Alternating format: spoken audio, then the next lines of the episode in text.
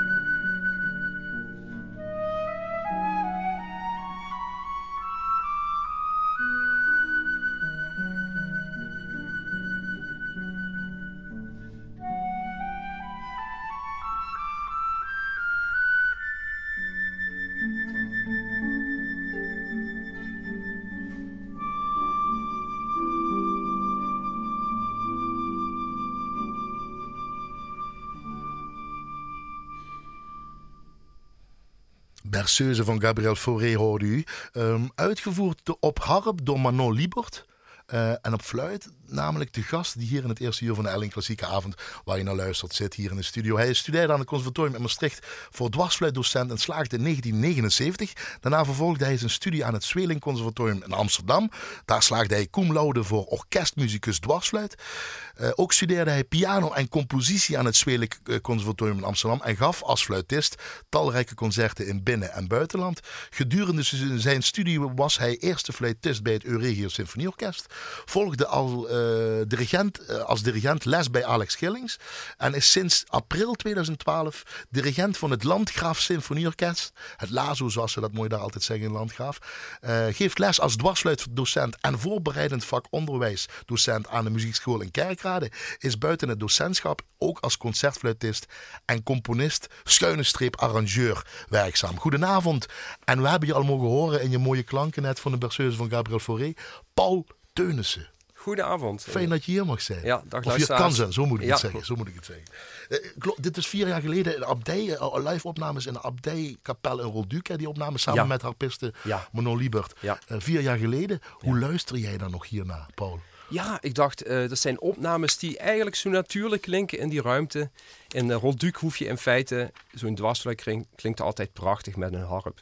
En ja, wat mij ook altijd zo, um, eigenlijk wat ik zo prachtig vind, van, is deze combinatie. Die fluit en de harp. Ja, Mozart zegt volgens jou, hè, dat is de mooiste combinatie, die twee instrumenten. Ja, de mooiste combinatie die er is. Volgens Mozart? Ja, volgens en die Mozart. moeten we dan maar geloven ja. natuurlijk. ja, inderdaad. Waarom is dat zo, denk je? Ja, dat komt door de klank van de dwarsfluit. is toch altijd wat zachter als de meeste andere instrumenten.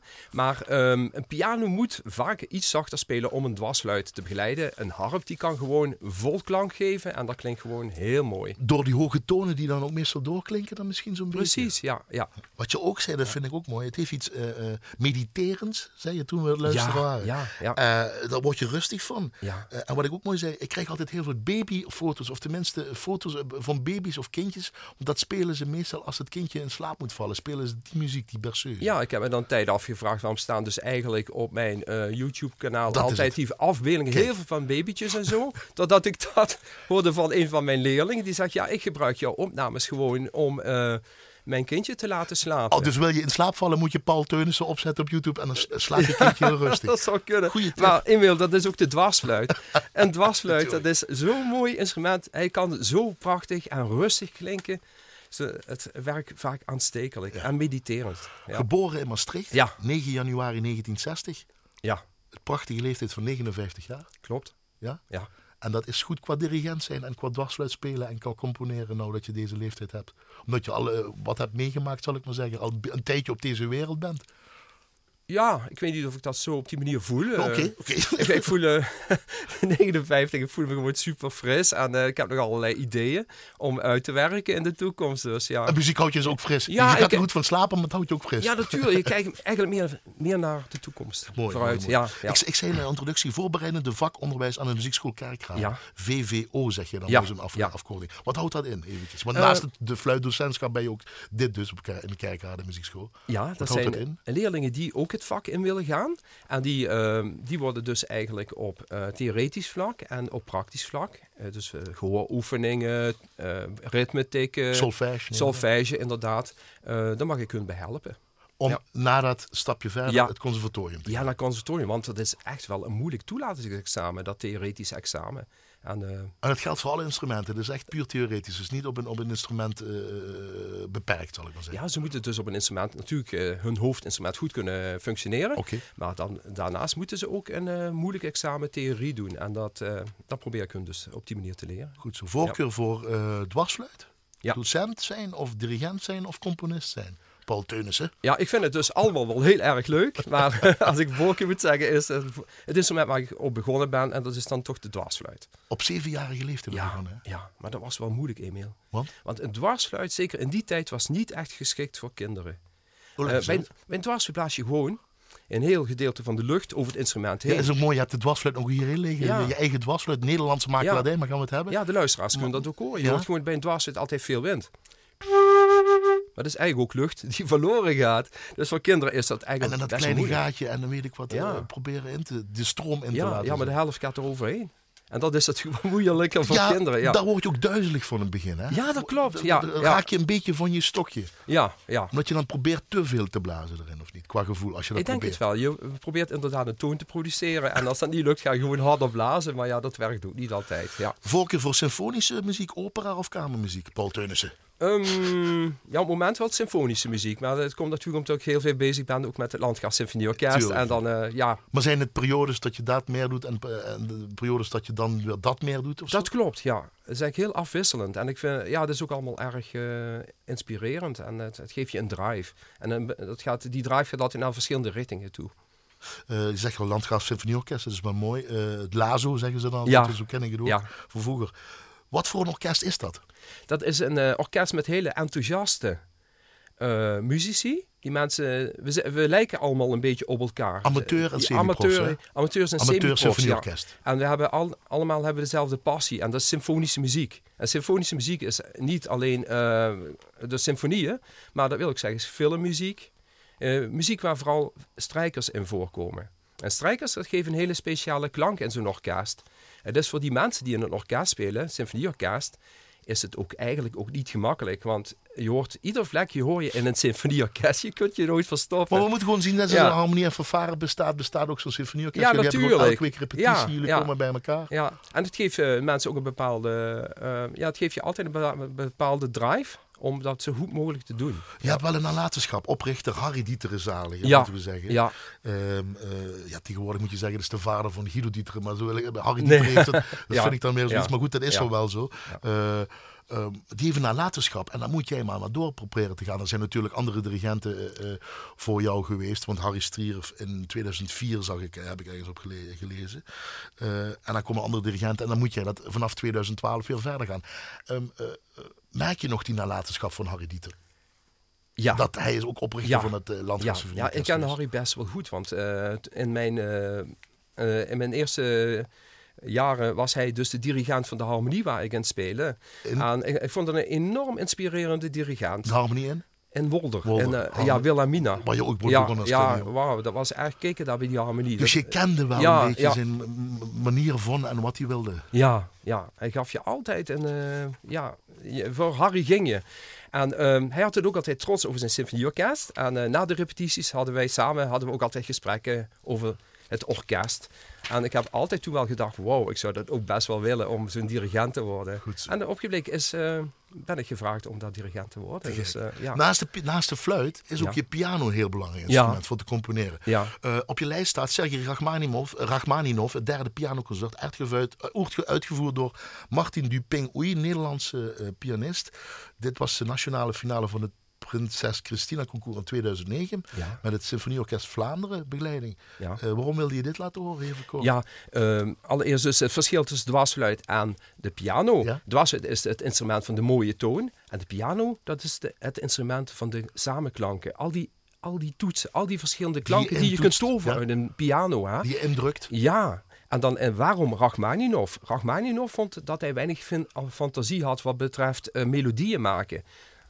Vind ik dus niet. Hè. Hij, hij schrijft er geweldig. Ja. Ja. Maar eh, het is ook wel de man met de geweldige klankkleuren in de piano. En dan vind ik dat echt een voorbeeld voor de mensen. Ja. Wat bij, bij muziek hoort ook een versnapering. Wat kan ik je aanbieden uit de L1-kantine? Wat wil je graag drinken, Paul? Eh, ja, een wijntje vind ik wel lekker. Ja? Wit, rood? Ja, eh, rood, ja. Bepaald land? Ja, Frankrijk. Nou ja, Ja. zeker. We zijn allemaal weer uitgebreid. Ik ga Ja. zoeken, wij gaan luisteren.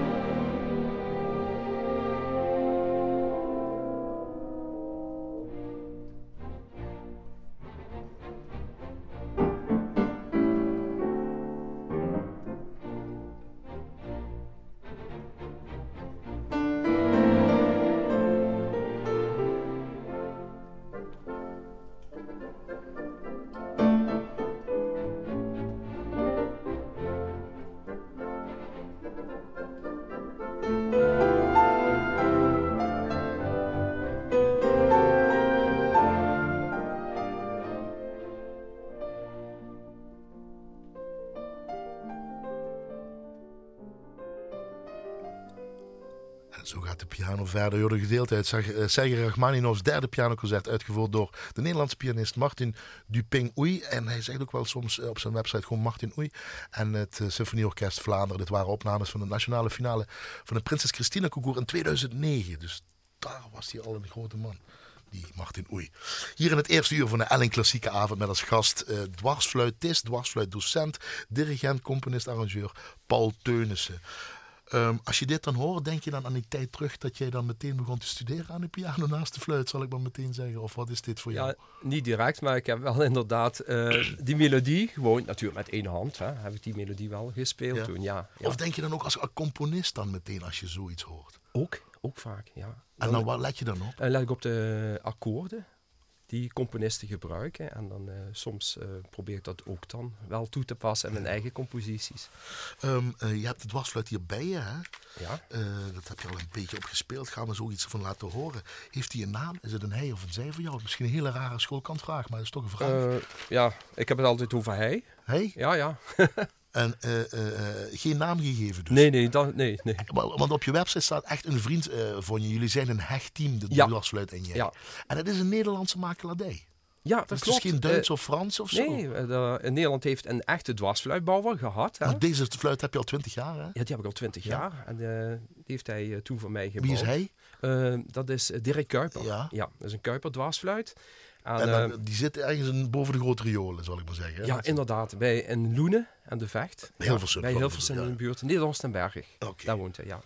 En ehm, die dwarsfluit, ik heb een keer in een vakantie, heb ik een keer in zijn fabriekje mogen een beetje meehelpen. Van eh, het weinige wat ik dan ken. Ja? En eh, eh, we hebben toen samen ook mijn eigen dwarsfluit ontworpen. Dus eh, hij heeft me eerst, eerst de buis laten zien. En toen zijn we, die hebben we helemaal naar mijn hand laten Zoals jij het lekker Ja. prettig vindt om te spelen. Ja, precies. En dan is ook het kopstuk, dus het stukje waar je blaast, Precies. heel belangrijk. En die hebben we wel Want? zeker. ze- Ja, dat, eh, dat is voor iedereen persoonlijk. Om te, iedereen heeft andere tanden en lippen.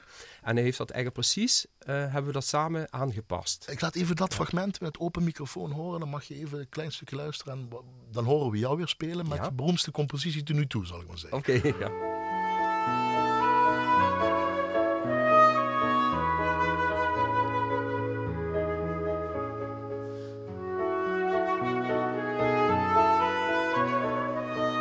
En dan denk je dan ook weer aan dat kopstuk? Of eh, hoe, hoe moet ik dan? Waar luister je naar nu? Eh, waar je nu naar luistert? Ja? Ja, ja nu luister ik naar de compositie zelf. Dus eh, de sorry. akkoorden. Maar het ging ja. me nou meer om die dwarsfluit, van hoe je blaast Ja. of zo. Want je had het net over die kopstuk, hoe, hoe, dat de lucht goed erin wordt geblazen. Ja, dat, dat is inderdaad, Emiel. Wat hier belangrijk is, is dat je dus de lucht, eh, vooral om dit eh, niet zo gemakkelijke toonsoort voor dwarsfluit is, is dat je goed over het eh, kopstuk heen blaast. Dus- Eroverheen. Ja, en dat doe je als fluitist, doe je dan de kaak een beetje naar voren. Ja, ja.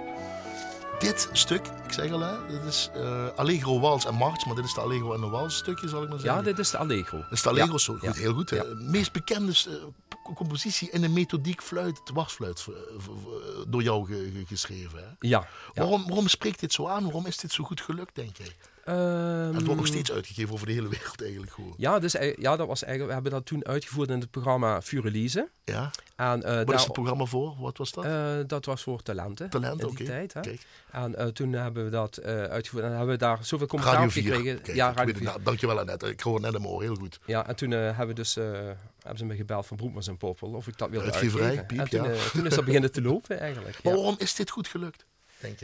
Eh, sprak de mensen aan. Is het alleen maar Ja. dat? Of, of omdat het ook eh, voor fluitisten uitdagend is en ook weer eh, te spelen is en ook weer niet, zal ik maar zeggen, middenweg heeft? Dat ook, ja. Dus collega's gebruiken het ook vaak. En dat komt omdat het een eh fris klinkende melodie is. Vooral die wals en mars wat later komt. Het is mooi als je dat Ja. zegt, begin je ook te stralen. Dus daar ben je Ja. nog, st- hier sta je nog steeds Ja. achter. Hier hoef je ook niks aan te veranderen. Dit klopt gewoon van A tot Z. Ja, ik zou niet willen veranderen. Mam Isobelle, die is er nog, hè? Die heet je moeder. Pap, zaliger helaas, Leo 2016 overleden. Aan die verschrikkelijke ziekte met die K, zal ik maar zeggen. ja, ja. Twee jongere broers heb je en een jongere zus. Ja, Eh, klopt. John is een, jongere broer, die speelt, eh, is bij de Koninklijke Militaire Kapel. klopt, ja. Friesel. Ja. Je was amateursaxofonist, vooral in de popmuziek. Mary, je jongste zus, niks in de muziek. Geen, nee, ze heeft ook wel heel even dwars uitgespeeld. Oké, Oké. maar dat is een blauwe maandag geweest. Ja.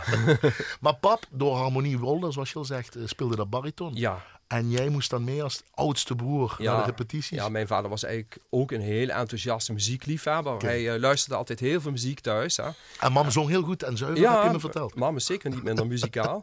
en uh, hij bracht me altijd mee naar de harmonie ook. En dan hoorde je de dwarsfluit en je was Nee, de eerste toer dat ik van een dwarsfluit heb gehoord, was ik helemaal verkocht. Ik wilde toen alleen maar dwarsfluit spelen.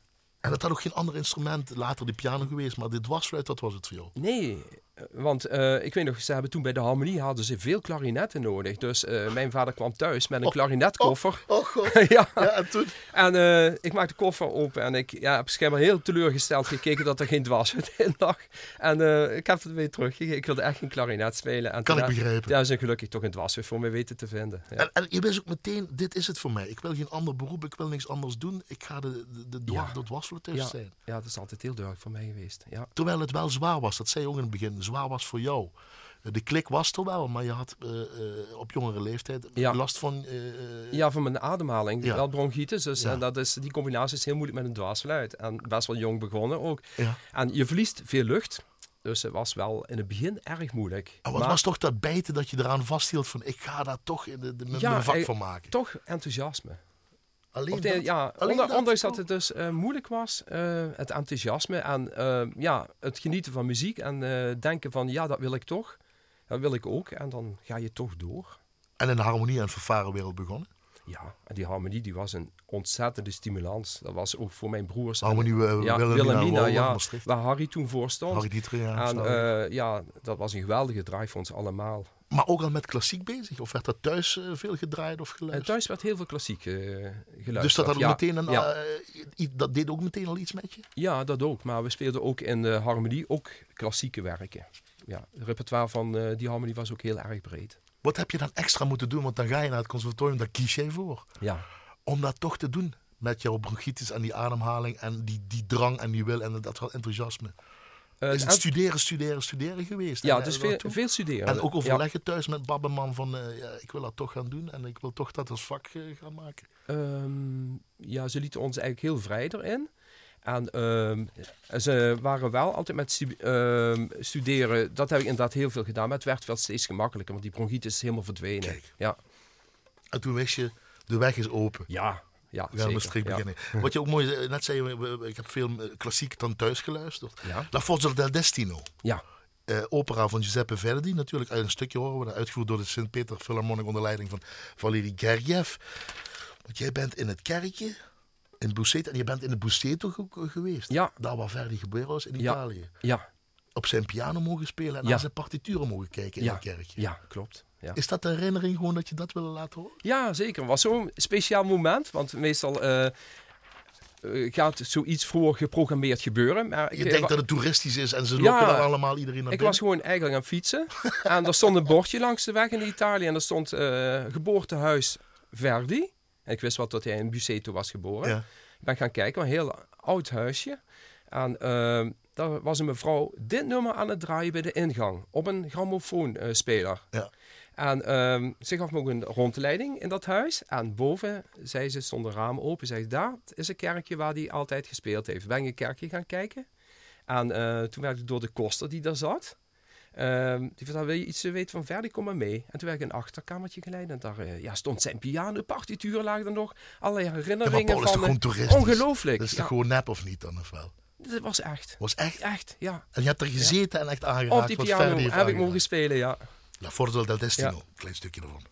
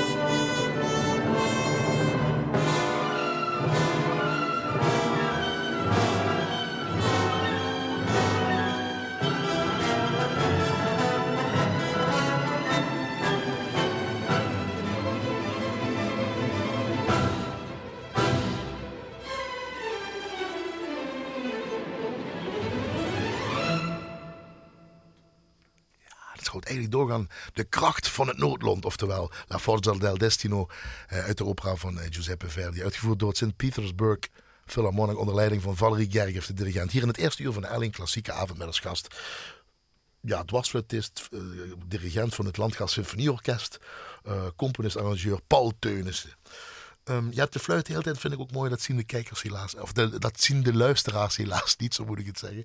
Je dwarsfluit ook in de handen die hele ja, tijd. Ja. Speciaal voor gemaakt, Dirk Kuiper en de Nederlandse fluit. Ja. Beum-systeem, hè? Ja. Dat is ook, de, de, de, geschiedenis van die fluit, dat zegt ook van alles. Want die is met de mens mee geëvolueerd, zei jij met mij in het, uh, ja, tegen mij in het voorgesprek. Ja. En da daarom dat je hem de hele tijd vasthoudt, dat hij ook verandert nou de hele tijd. nee, hij hoort gewoon bij mij. Maar wij Europeanen, of in Europa, is hij geworden zoals hij nu is, hè, ja. Ja, klopt. Leg dat eens eventjes uit. Ja, uh, dwarsfluit is dus een instrument dat even, even oud is als de, als de mensheid. Hè? Ja. Heeft altijd bestaan. En uh, de, uh, hij is vooral in Egypte ontwikkeld. Had je vijf verschillende fluiten en verschillende lengtes dus. In Europa hebben we de dwarsfluit gemaakt zoals hij nu is. Zoals we nu kennen. Ja. Zoals we bij de harmonie bij een symfonieorkest zien. Juist, ja. Maar je hoort, en bij de dwarsfluit hoor je nog altijd ook dat... Oosterse klanken. Je hoort dat wereldse in die dwarsfluit. Jij denkt nog steeds dat die geschiedenis terug te horen is ja. in Egypte. Mag ik dat even ja, demonstreren? Dat is ja? graag. Ja. graag. En even, wacht, voordat je die met het beumsysteem, moet ik dat ook nog aan de luisteraars uitleggen. Dat is de kleppensysteem of wat is dat? Ja, uh, de kleppen zijn heel belangrijk. De heer Beum heeft dat toen gedaan. Ja, die heeft dat toen gedaan. En uh, door de kleppen komt, wordt de klank van de dwarsfluit veel sterker. De dwarsfluit wordt zuiverder. En uh, hij wordt ook veel bewegelijker. Goed zo, dan hebben we dat. Neem ons terug mee naar Egypte. Of klank, of maar, maar, maar laat even horen, Paul.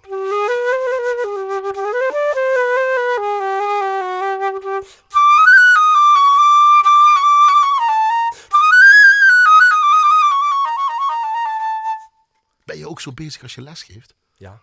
Op die manier verhalend, zal ik maar zeggen. Ja, vaak verhalend. Maar ook als ik dirigeer, dan uh, toef ik er altijd een verhaal bij.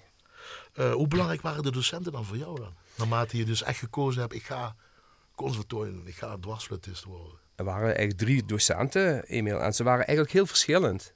En het waren eigenlijk drie supergoede docenten. Mijn eerste docent was gewoon een uh, docent van de harmonie. Maar zo'n... Wie was dat? Uh, dat was Bert Paulussen. Mooi. En dat was eigenlijk iemand met zo'n enthousiasme. Daar, voor die man alleen zou je al heel veel gaan studeren. En dan mijn tweede docent, dat was Jover Boeket Maastricht. van Maastricht. Ja, een hele goede docent. En die maakte je vooral weerbaar voor het vak. Weerbaar voor het vak als in? Ja. Dat hij zei van... Ja, jullie moeten het podium op. Je mag geen fouten maken. Weet je, dat was wel een strenge, maar ik vond het wel rechtvaardig. Heel, heel rechtvaardig, ja. En die derde? En de derde, dat was Pieter O'D. En Pieter O'D was uh, vooral de muzikale... Uh, docent, de docent met heel veel kennis van zaken. Want je bent naar Amsterdam naar het Zweling Conservatorium ja. gegaan. Uh, hij was van het uh, Concertgebouw. Van Concertgebouworkest, ja. Hij had zelf gestudeerd bij Jean-Pierre Rampal in Parijs. Ja. ja. En dat is juist goed het beste van drie werelden, zal ik maar zeggen. Ja, lijkt me wel. Hoe doe jij dat dan? Hoe geef jij dat dan nou door? Wat jij geleerd hebt van die docenten? Wat is jouw definitie van lesgeven? Nou? ik kijk op het moment wat het beste bij de leerling past. Dus uh, op het moment dat uh, een leerling niet enthousiast is, dan tover, tover ik de, de methode van Bert Paulussen naar voren. En dat was? Ja, iemand enthousiasmeren. Ja, en dat, wat had dat, ja wat vertel iets over de fluit en uh, wat is een mooi instrument en wat kun je er allemaal op en zo. En uh, dan vervolgens natuurlijk ook je methode, de muziek aanpassen aan wat een leerling uh, mooi vindt. Dus er is een ja. verschil met vroeger? Jazeker, ja. Mensen, kinderen ook, ja, hebben veel meer, om, veel ja. meer keuzes tegenwoordig. Dus uh, je dus zult... daar moet je op ja, inspelen? Ja, natuurlijk. Ja. Probeer de mensen te enthousiasmeren en dan, uh, dan gaan ze ook wel voor het instrument. Wat moet een docent dan hebben? Dat enthousiasme, dat snap ik wel. Uh, dat is ook anders bij een leerling die ouder is of jonger is. bij een leerling die wel talent heeft en geen talent heeft. Ja. maar wat moet hij dan tegenwoordig nog meer hebben? Ik denk veelzijdigheid. Hoe, hoe kan ik iemand op een bepaalde manier benaderen? En dus uh, ja. Liedjes leren. Want dat hoor ik dan ook altijd. Liedjes leren of uh, technische oefeningen interessant maken. Of de, de, de, ademhaling interessant maken. Ben je daarmee mee tegenwoordig mee bezig? YouTube, uh, social media, al ja, die apparaten. Ja, dus uh, zoek iets uit inderdaad wat een leerling leuk vindt. En van daaruit gaan werken dat, dat zo'n leerling ook steeds beter gaat spelen. Dat kan heel goed. Je hoeft niet altijd etudes en moeilijke oefeningen te doen om iemand goed te laten musiceren. Ja, maar dan leer ik het wel, Paul. Want dat is de basis die ik moet hebben. Nee? Ik ben even weer advocaat van de duivel aan het ja, spelen. ja, maar dat kan op verschillende manieren. Is het dat? Ja, is ja. dat ook het verschil met vroeger? Dat men dat vroeger wat eh, eh, ja, ja, boven je stond en nu misschien iets meer een begeleidende rol hebt, naast je staat als ja docent. precies. Ja, denk ik wel, Emiel. Eh, vroeger had je gewoon boeken. en dan moest een leerling moest dat boek uitwerken. Boek uit. En dan was het oké. En dan kon je verder op voor je volgende examen. Maar tegenwoordig liggen die, eh, ja, ligt dat gewoon heel anders.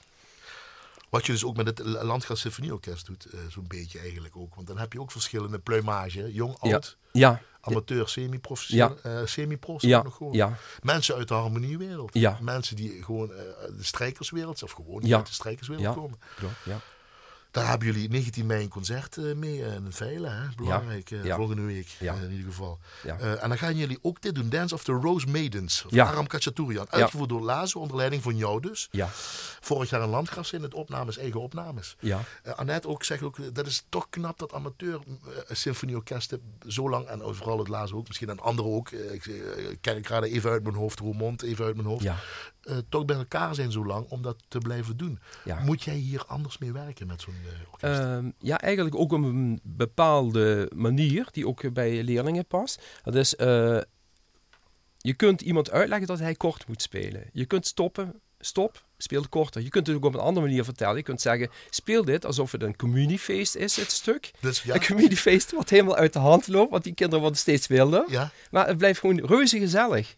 En En dan pikt zo'n orkest dat die op. pikken dat op, Emiel. Die spelen dat dan kort en licht. En dan gaat het allemaal eigenlijk op een heel natuurlijke manier vanzelf. Want ze tovert dat beeld voor, zeg. Ze, toveren- ja, ze Ja. zien dat beeld voor zich. Ja. Zullen we eerst luisteren, gaan we dan verder hoe je dat met eh, arrangementen en eh, ja, het orkest zelf doet, goed? Ja.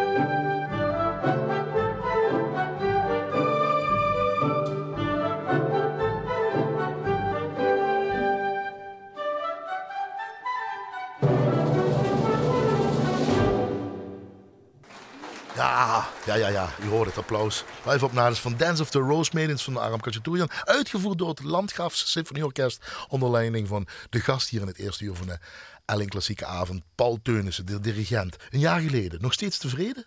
Ja, heel tevreden. Trots zelfs op zijn Altijd trots, ja. Ik hoor klanken van een eh saxofoon hierin. Ja. Ja. Dat zit niet in een symfonieorkest, Paul. Ja, behalve bij Gershwin, omdat het de compositie het vraagt. Nee, nee klopt. Uh, dit werk maar, hebben maar, Dus be, be, ja. de bezetting is wel puur, het Landgraaf Symfonieorkest bedoel ik, dat is wel puur uh, symfonisch. Ja. Maar je hebt ook andere mensen erbij zitten, zo'n saxofonisten of weet ik wat. Of laat je mensen gewoon meespelen, of hoe moet ik dat begrijpen? Ja, dit stuk heb ik bewerkt. Ah, dus, uh, kijk, ja. dan komt de arrangeur Paul erin. Ja. Dus uh, ik heb de vioolpartij heb ik veranderd. En uh, ik heb er een saxofoon op een goede moment proberen dus, uh, Omdat je dat niet dus, hebt zitten? Ja. Is het dat? Ja, precies. Ja. Wat is de uitdaging dan? Om dat te doen als kleur? Ik, ik, of laat ik het zo vragen. Dit heb ik voor me zitten, dit is de bezetting. En dat is dan de uitdaging om daarvoor te schrijven, aan te passen. Ja, precies. De originele transcript, ja. de originele partituren. Ja, omdat in uh, symfonieorkest, dus om daarin te musiceren, omdat dat zo moeilijk is, schrijf je vaak ook wel aangepaste partijen. En dat geldt dus ook voor een stuk wat we pas uh, bewerkt hebben van Gustav Holst, The Planets. The Planets, ja. Dat is echt enorm moeilijk. Maar als je daar... Um, als je dat bewerkt, dan is het wel uitvoerbaar voor een amateur semi-prof orkest. Dat, is, dat uh, heb ik dus ook bewerkt. Dus zo dat... denk je. Denk niet alleen maar aan de, uh, ik kan alleen dirigeren. Ja. Ik moet alleen maar dirigeren. En dat ze met verhalend wat je zegt duidelijk maken. Ja. Speel die noot niet kort, maar denk alsof er een communiefeest aan, ja. de, gang is. aan de gang is. Maar dus ook puur uh, investeren in de partituren die je voor Tuurlijk, belangrijk. Mensen moeten ook fijn muziek kunnen maken. Het moet niet te lastig worden. En als je daar een balans in weet te vinden, dan, uh, ja, dan uh, verloopt alles ook muzikaal en prettig. Maar hoe, hoe uh, dat is puur omdat je weet, anders blijven ze weg. Omdat ze niet kunnen spelen, omdat het te lastig is. Om een programma te maken, zal ik maar zeggen. Ja. Een concertprogramma Ja. te maken. Ik weet niet of ze weg zouden blijven, maar uh, dan krijg je wel veel krampachtige gezichten. En dat, ja, dat heb ik dat? liever niet. Uh, dat, dat, is te lastig. Dat is, Dan wordt het te lastig. En dat, dan uh, kunnen ze het gewoon niet spelen. Dan nee, kun je dan het kunnen ook ze niet niet uitvoeren. spelen. Hè. Ik moet zeggen, de mensen van het orkest doen goed hun best. Ze studeren over het algemeen best goed thuis. Maar, kan er wat meer, zeg ik nou. Ja, Ja, nou ja. maar dat moet ik zeggen. Hè? Ja. Jongens, nee, nee, nee, grapje, Meestal. grapje, grapje. maar het, het zijn toch amateur mensen die heel goed hun best doen. En dat, En het mooie is amateur met semi-prof, dus met, met profs. Ja, ja. En die moeten zich dan ook verhouden tot, zal ik maar zeggen. Tuurlijk, ja, ja. Maar vaak doe ik de... Inhouden, wachten, het Ja, duurt langer. maar ook voor de semi-profs moet het ook uitdagend zijn. Dus die krijgen vaak de moeilijke partijen van mij. Ah, d- daarom, Ja. en zo hou je het voor die mensen Ja, interessant. ja, m- ja, tuurlijk. Ja. Het is de hele tijd week Je bent eh, psycholoog misschien af en toe, brandweerman.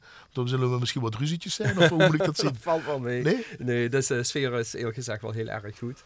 Wat, wat, wat is zo uniek aan het Landgraf Symfonieorkest? Ehm, Juist dat wat je net zegt? Of ook omdat het zo'n eh, eh, eh, vanuit 82 met Harry Dieter is begonnen en nu nog er steeds is? Het is nog... eh, Lastig ook om dat is- vast te houden, Het is zoiets. toch wel een modern orkest. Er zit eh, de verhouding jeugd en ouderen, dat is eh, gelijk. Ze verstaan zich heel goed onder elkaar. Ja? Ze vinden muziek die ze in de muziekcommissie uitkiezen, vinden ze allemaal mooi. Of nu Harry Potter is, of een symfonie van, van Bizet. Ze spelen het eh, allemaal heel erg graag. Maar dus ook weer met het toven van de beelden. De beelden worden iedereen begrepen. En ja, op de een of andere manier zijn toch wel, is het een orkest met spirit. Dus je pakt eh, bestaande stukken. Het archief is natuurlijk heel groot wat Ja. jullie hebben. Componeer je ook speciaal voor ze? Als componist, Paul Teunis? Eh, nee, nog niet. Ik heb niet eh, Nog speciaal... niet? Nee. Oh, dat is misschien wel mooi. Om dat te doen, of niet? Zijn, ja, ja. Zijn er ook mensen vanaf het begin bij? Van 82 die nog steeds erbij zitten of lid zijn? Ja, Of- ja, die zijn er nog. Ja. En die hebben natuurlijk ook allemaal verhalen en dingen, of niet? Tuurlijk, tuurlijk. En wat ook heel leuk is in het orkest, is om in het archief te duiken van het symfonieorkest. Want daar ligt nog ook heel veel van, eh, van die tijd. De partituur van Harry Diederik, Ja. die het opgericht heeft. En Ja. eh, om daarin te neuzen, ja, dan zie je... Met aantekeningen. Ja, dus eh, dan moet ik altijd... En we zijn nu met een zangeres aan het samenwerken. En dan ga ik dus op zoek naar hoe heeft Harry dat bewerkt voor het orkest en waar zet de zangeres in. Dus ik duik dan ook even in de wereld van Harry, hoe hij dat gedaan heeft. En moet alleen maar zeggen, het is alleen maar reuze interessant. En de Ja. dirigenten die je mee hebt gemaakt, naast de docenten, de dirigenten die je mee hebt gemaakt. Hoe belangrijk waren die dan voor jou? Harry Dieter is natuurlijk als dirigent. Ja, eh, Andere dirigenten die je ja, eh, meemaakt hebt ja. en die misschien nou ook wat voor gebruikt. En je eigen maakt, Paul Teunissen maakt. ja eh, ik vond ehm, Alex Schillings en ook een hele fijne dirigent. Waar je les van gehad hebt. Ja, ja, hij wist, eh, ik vond zijn sterke punt was dat Alex wist altijd eh, zoveel uit de mensen te toveren. En dat op een manier dat de mensen toch enthousiast bleven musiceren. En dat, ja, dat vond ik echt wel heel En gaaf. hoe doe jij dat, Paul? Probeer ik ook. Ja, maar op welke manier? Verhalend, oké. Eh, verhalen, eh, Wat nog? een, Heb je tover, heb je een, een, toverdrankje? compliment, een compliment op het goede moment. Maar ook als het niet goed is, ook durven te zeggen. Ehm, en dan eh, moet, het op je, moet je ook een grapje weer durven te maken. Het moet gewoon een, een leuke repetitie zijn.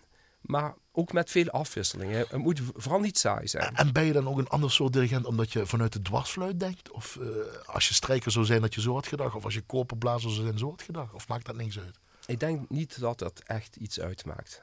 Of let je wel meer op de blazers? Ik moet, je ja, het is wel, eh, het is wel zo, eh Emiel, dat ik extra op de dwarsfluiten let. Ja? Dus eh de dwarsfluit even fout, maar ik zeg, doe de, doe de kaak wat naar voren. Of wat dan, dat wel. Dat is ja. natuurlijk je eigen. ja, en voor de strijkers hebben we een hele fijne concertmeester. wie is dat? Eh, dat is eh, Michel Awouters. Kijk. Ja, Elke groep heeft wel zo'n sterke mensen daar die dat aan. ja, precies. Wanneer Ja. repeteren jullie altijd? Is dat echt elke week ook? Wij repeteren altijd op de donderdag. Ja. Landgraaf. In Landgraaf, ja. Sunplein. Sunplein, Ja. mag je ook nog zeggen. Mensen, en je hebt altijd wel mensen nodig en die mogen ook komen luisteren. Ja, natuurlijk. Leuk. Ludwig van Beethoven. Zeer groot. ja, Dat zei je erbij. ja, Is het ook, het slotgedeelte, de symfonie nummer 5, ja. het einde. Eh, componisten, omdat we het over componisten... Componisten zoeken eh, toonsoorten die bij ze passen. ja bij, jij ja, bij, het stuk passen. Bij het stuk passen. Ook dat, dat, dat ze de- bij, bij de persoon passen, Ja. dacht ik. Het schijnt ook dat componisten onder elkaar vaker praten, zo eh, in die tijd van Beethoven dus. Van, eh, ik heb geschreven een E. En dan weet de andere componist al, oh ja, dat is dus echt een stuk wat echt eh, vrij scherp moet klinken. Een heel sprankelend stuk. Maar heb je het over C, de compositie wat wij gaan horen Juist. van Beethoven, dat is groots. Energiek. Energieke toonsoorten.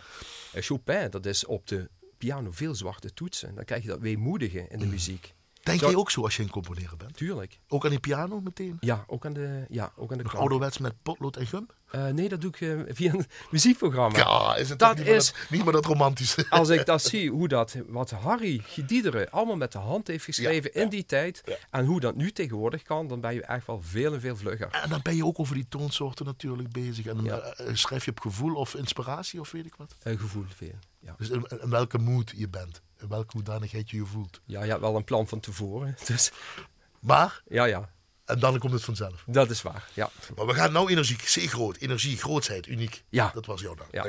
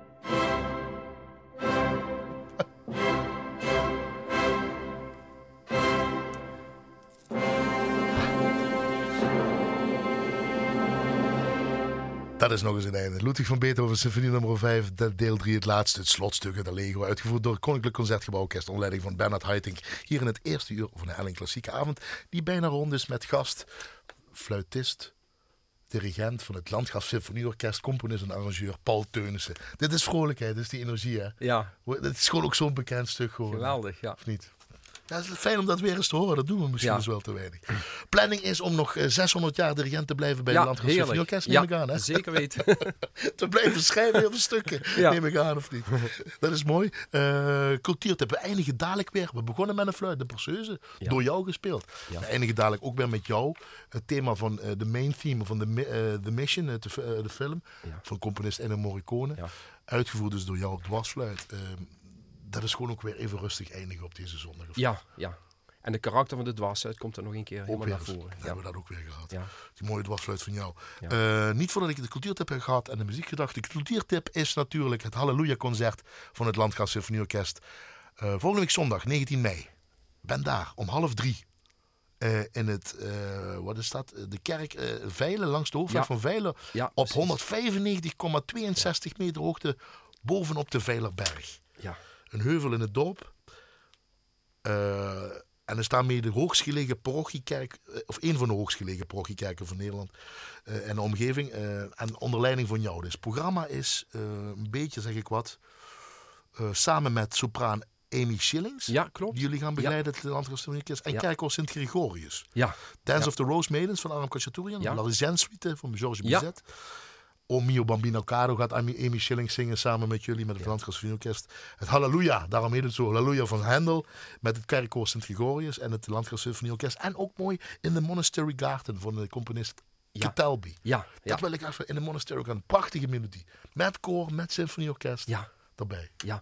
ja, we hebben ons programma helemaal aangepast aan die schitterende omgeving daar in Veilen, waar die kerk ligt. En eh, ja, Dat doen jullie vaker, hè? ja, Jullie, maar bewust waar jullie spelen, Ja. op de plek waar jullie spelen, daar passen jullie dus ook programmeren. ja, aan. we hebben een muziekcommissie. We kijken eerst naar de plek waar we spelen. We kijken naar de mensen die we willen benaderen. En dan gaan we ons programma aanpassen. En niet andersom dan. Niet andersom. Nee, Dat is wel mooi. Ja. Hoeveel hoe concerten hebben jullie ongeveer zo per jaar? Eh, we zitten op vier, vijf concerten. Ja, dat is, en dat is elke keer een nieuw programma of kun je dat in eh, la- eh, la- la- lange tijd doen, dat programma? Ehm, mix. Dus eh, we- sommige ne- eh, stukken nemen we mee naar een volgend concert. er maar- komen altijd weer nieuwe stukken bij. Nee, omdat je dan weer aan moet passen natuurlijk op, de, op eh, waar je speelt. Precies, ja. Ja. Dus 19 mei, volgende week zondag, half drie, ben daar. Ja, En, en na het concert hard Paul Teunissen roepen, dan krijg je misschien een rode wijngraad. En laat hij, eh, laat hij de dwarsfluit nog even misschien zien, die hele mooie. of zo. ja dat doe ik. Ja. Goed zo. Ben daar. Tot slot, waarom is muziek belangrijk voor Paul Teunissen? ja, muziek is voor mij pure emotie. Ik vind het heerlijk om muziek te maken. Alleen met of met anderen. En, eh, of muziek. Je kunt via muziek ook heel mooi gevoelens delen. Dat is mijn passie. Dat blijf je ook gewoon elke keer doen. Hè? Ja, tuurlijk. Ja. Dankjewel. De, de, dwarsfluit mag je op, eh, opbergen. Oké, Tof dat je hier was. Dankjewel, Ja. Paul Teunissen. vond het leuk. Goed aan ja. het Landgraaf Symfonieorkest Ja, in ieder geval. Ja, Eh, succes met het concert. ja, dankjewel. Dankjewel Annette Tilly. En we gaan zo eindigen met de mission, hè, wat jij ook Ja. straks speelt. Hè. Ja. Dankjewel Annette Tilly, dankjewel voor de techniek. Eh, en van collega Joost Smeets moet ik altijd... Ah, daar ben je. Van collega Joost Smeets moet ik altijd vermelden wat het komend uur te, te horen is. Ja. En als Jo dat zegt, dan moet ik dat ook doen. Namelijk opnames van 30 maart dit jaar eh, in IJzen, in de Ursuline Convent, zo moet ik het zeggen. Eh, we gaan de Canadese pianiste Michelle Powell horen met haar pianokwartet. Blijf eh, gewoon hangen of eh, luisteren of zet het niet uit. Anders check even l1.nl schuine streep klassiek. Ehm, en dan wens ik u natuurlijk aan de andere kant van de radio een fijne avond, want dat heeft u verdiend. En maak er een nog toffere week van. Dag, dag.